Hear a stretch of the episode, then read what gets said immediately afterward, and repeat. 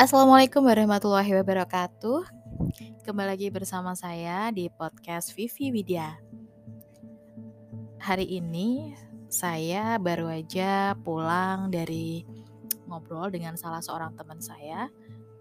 Jadi beliau ini adalah salah satu guru yang juga ditempatkan di area tugas yang sama dengan saya. Jarak antara rumahnya dengan tempat tugas kami itu sekitar 10 jam perjalanan ya. Beda dengan saya yang kemungkinan yang mungkin masih lebih dekat karena saya hanya 4 jam. Dan teman saya ini sangat luar biasa karena bagi saya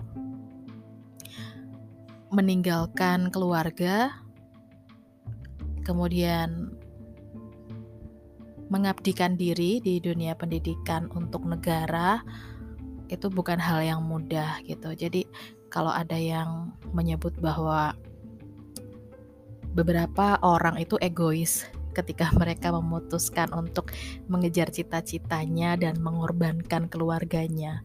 Tapi saya nggak sepakat ketika saya menjalani atau mengalami itu sendiri karena ada hal yang memang harus kita perjuangkan saat ini untuk sesuatu yang lebih besar nanti.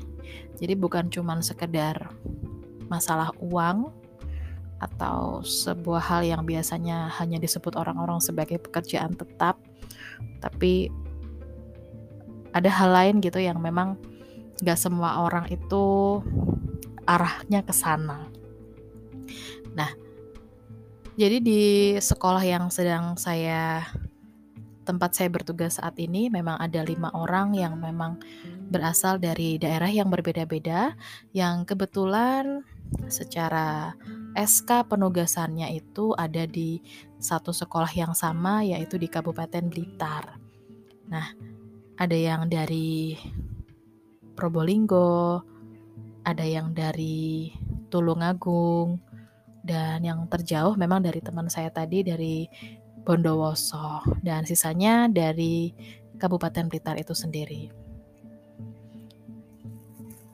Dari sekian ratus hari kita berada di Kabupaten Blitar ya, tepatnya ya hampir seribu hari lebih mungkin ya.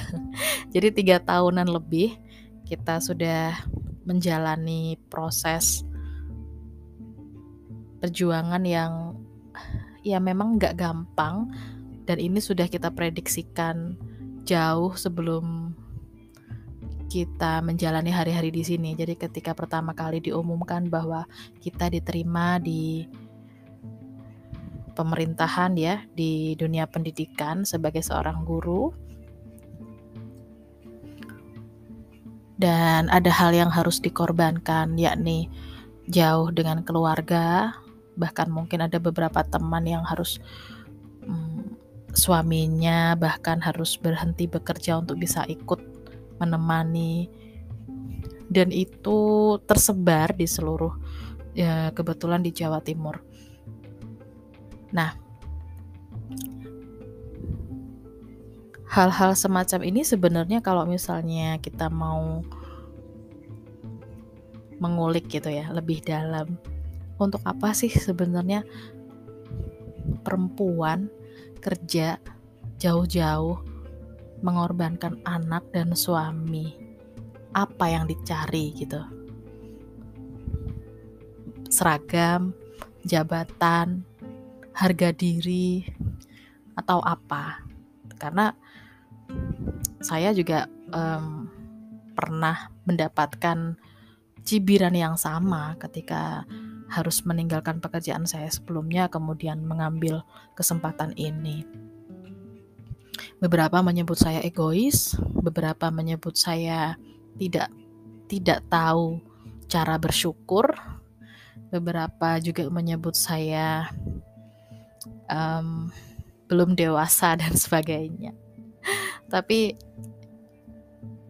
itu kan um, orang lain ya yang hanya bisa melihat sesuatu dari permukaan tanpa tahu apa yang sudah mengakar dan apa yang sedang disiapkan gitu. Setelah saya sampai di sini dan saya bertemu dengan lingkungan ini, saya bertemu dengan teman-teman saya yang luar biasa sangat berbeda dengan apa yang saya pikirkan sebelumnya. Banyak sekali hal-hal positif yang mempengaruhi um, cara berpikir dan bagaimana uh, cara saya bekerja juga. Dan ini saya ngerasa bahwa oh mungkin ini yang memang sedang Allah persiapkan ya untuk saya di sini gitu. Kenapa di sini? Karena memang ada yang dipersiapkan. Apa yang dipersiapkan? Sejauh ini saya nggak tahu apa yang dipersiapkan, tapi saya ngerasa memang banyak sekali hal positif yang berubah pada diri saya dan ini juga berpengaruh pada keluarga saya gitu. Dunia pendidikan yang saat ini sedang banyak dilihat orang, dianggapnya baik-baik saja. Uh, ternyata ketika saya menjadi bagian di dalamnya, itu nggak 100% benar loh. Gitu. Apalagi saya juga punya anak yang mungkin 10 atau 15 tahun lagi sudah berbeda gitu case-nya dengan sekarang. Bagi kami yang memang sudah banyak sekali hal-hal yang kita perjuangkan untuk bisa ada di titik ini, setiap hari datang ke sekolah itu bukan sebuah pekerjaan, tapi itu adalah sebuah lembaran yang hari itu kita harus nulis apa gitu. dan tulisan kita nanti akan dibaca siapa dan dampaknya apa. Nah itu. Saya pribadi hampir nggak pernah merasa bahwa apa yang saya lakukan di sini itu sia-sia. Meskipun apa yang saya sampaikan nggak semuanya percaya apa yang saya ungkapkan, tidak semuanya belum semuanya paham. Tapi yang pasti ketika saya bisa berbagi apa yang saya tahu kepada orang lain, baik itu kepada peserta didik atau sesama profesi, saya sangat luar biasa senang sekali. Bukan berarti saya merasa saya ingin disebut sebagai orang yang paling ngerti atau sok menggurui gitu ya. Sebenarnya enggak. Tapi ada hal yang memang menurut saya uh, kena, kalau ada ini, kenapa mereka lebih memilih yang ini gitu. Sedangkan ini dengan hal dengan uh, spek yang jauh lebih unggul dan lebih maju, kenapa masih menggunakan ini? Nah, hal-hal semacam itu yang kemudian saya bantu untuk sedikit menggeser pola pikir, kebiasaan atau hal-hal lain. Gak gampang memang dalam kurun waktu tiga tahun itu sangat gak gampang. Tapi saya selalu percaya gak ada yang sia-sia apa pun itu. Even kita cuma tersenyum kepada anak yang lagi datang telat ke sekolah, saya percaya itu akan memberikan dampak yang luar biasa entah apa semua dari kita pasti pernah merasakan gimana rasanya berada di posisi sebagai siswa murid ya di mana satu komando itu berasal dari guru yang ada di depan ruang kelas saat berada di kursi seorang murid harapan kita sebagai murid adalah gimana caranya hari itu kita dapat ilmu dengan cara yang menyenangkan. Karena bagaimana bagaimanapun seorang anak dipaksa ya dalam tanda kutip untuk mendapatkan atau menerima berbagai mata pelajaran yang berbeda-beda. Sementara masing-masing anak itu memang didesain khusus untuk menguasai atau mungkin lebih bidang-bidang tertentu. Tapi memang ya seperti ini uh, konsep pendidikan di Indonesia ya seperti ini. Jadi mau tidak mau para tenaga pendidik, Bapak Ibu guru dituntut untuk bisa ekstra agar membuat proses pembelajaran itu nyaman dan efektif. Terlepas dari karakter setiap orang yang berbeda-beda, saya akhirnya menyadari bahwa semua orang bisa jadi guru. Sama halnya ketika semua orang bisa jadi murid. Nah, kebetulan memang apa yang uh, menjadi profesi saya, spesialisasi saya adalah bukan pelajaran umum. Jadi saya hanya ya saya anggap saya hanya seorang konselor atau guru BK. Ya, saya ngerasa pekerjaan saya tidak lebih mudah dari Bapak Ibu guru mata pelajaran yang lain di mana mereka sudah punya um, poin-poin yang harus disampaikan kepada anak terkait sebuah kompetensi tertentu sesuai dengan bidangnya masing-masing. Sedangkan saya, bagaimana cara saya untuk bisa melayani anak-anak ini agar mereka bisa melalui fase pembelajaran ini dengan baik dalam hal pribadi, dalam proses belajarnya, permasalahan sosial, bahkan pemilihan arah karir ke depan. Gitu. Singkat kata gimana caranya? Saya bikin mereka senang untuk belajar di sekolah. Sebenarnya itu bukan cuma tugas saya, tapi itu tugas semua yang ada di sebuah ekosistem sebuah lembaga pendidikan. Tapi keberadaan BK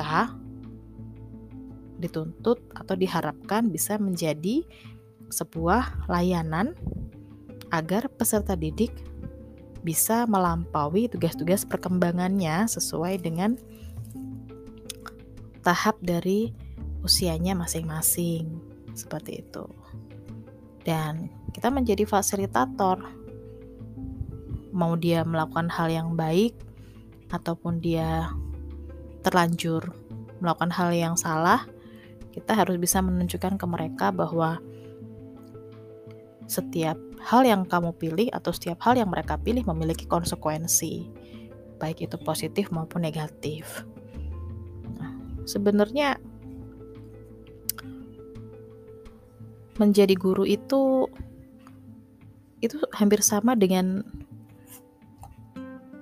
kita tuh kayak mengajari diri kita sendiri gitu nggak kayak ngajari anak. Karena guru itu nggak pernah atau nggak boleh bahkan berhenti untuk belajar. Kadang saya ngerasa saya sombong banget ya mengingatkan salah seorang peserta didik tentang bagaimana cara bersyukur. Tapi di satu sisi sebagai manusia, kadang saya juga merasa bahwa mereka yang ngajarin saya untuk bisa selalu bersyukur. Nah, itulah nikmatnya jadi guru. Proses belajar itu selalu terjadi dua arah, nggak pernah satu arah. Mungkin dari sisi mereka, mereka nggak sadar. Tapi bagi seorang guru, bagi seorang guru yang sadar, proses pembelajaran itu selalu terjadi secara dua arah. Mereka diharapkan mampu mendapatkan informasi baru dari kita dan menerapkannya. Begitu juga dengan kita, guru juga mendapatkan informasi baru tentang anak-anak di setiap generasi dan bagaimana cara memberikan solusi yang terbaik untuk mereka. Lebih tepatnya, membiarkan mereka menemukan solusi terbaik sesuai dengan cara mereka sendiri. itu yang saat ini sedang saya dan teman-teman saya resapi dan bayangkan ketika kita berada jauh berpuluh-puluh kilometer dari keluarga kita. Selalu ada solusi di setiap permasalahan. Even kita itu sendirian, kita nggak pernah sendirian. Permasalahan itu ada di, di samping kita. Dan setiap permasalahan itu datanya selalu sepaket dengan solusi. Hanya saja mungkin kita sering lupa atau bahkan menemukan, belum menemukan di mana atau bagaimana solusi yang sesuai dengan karakter kita masing-masing.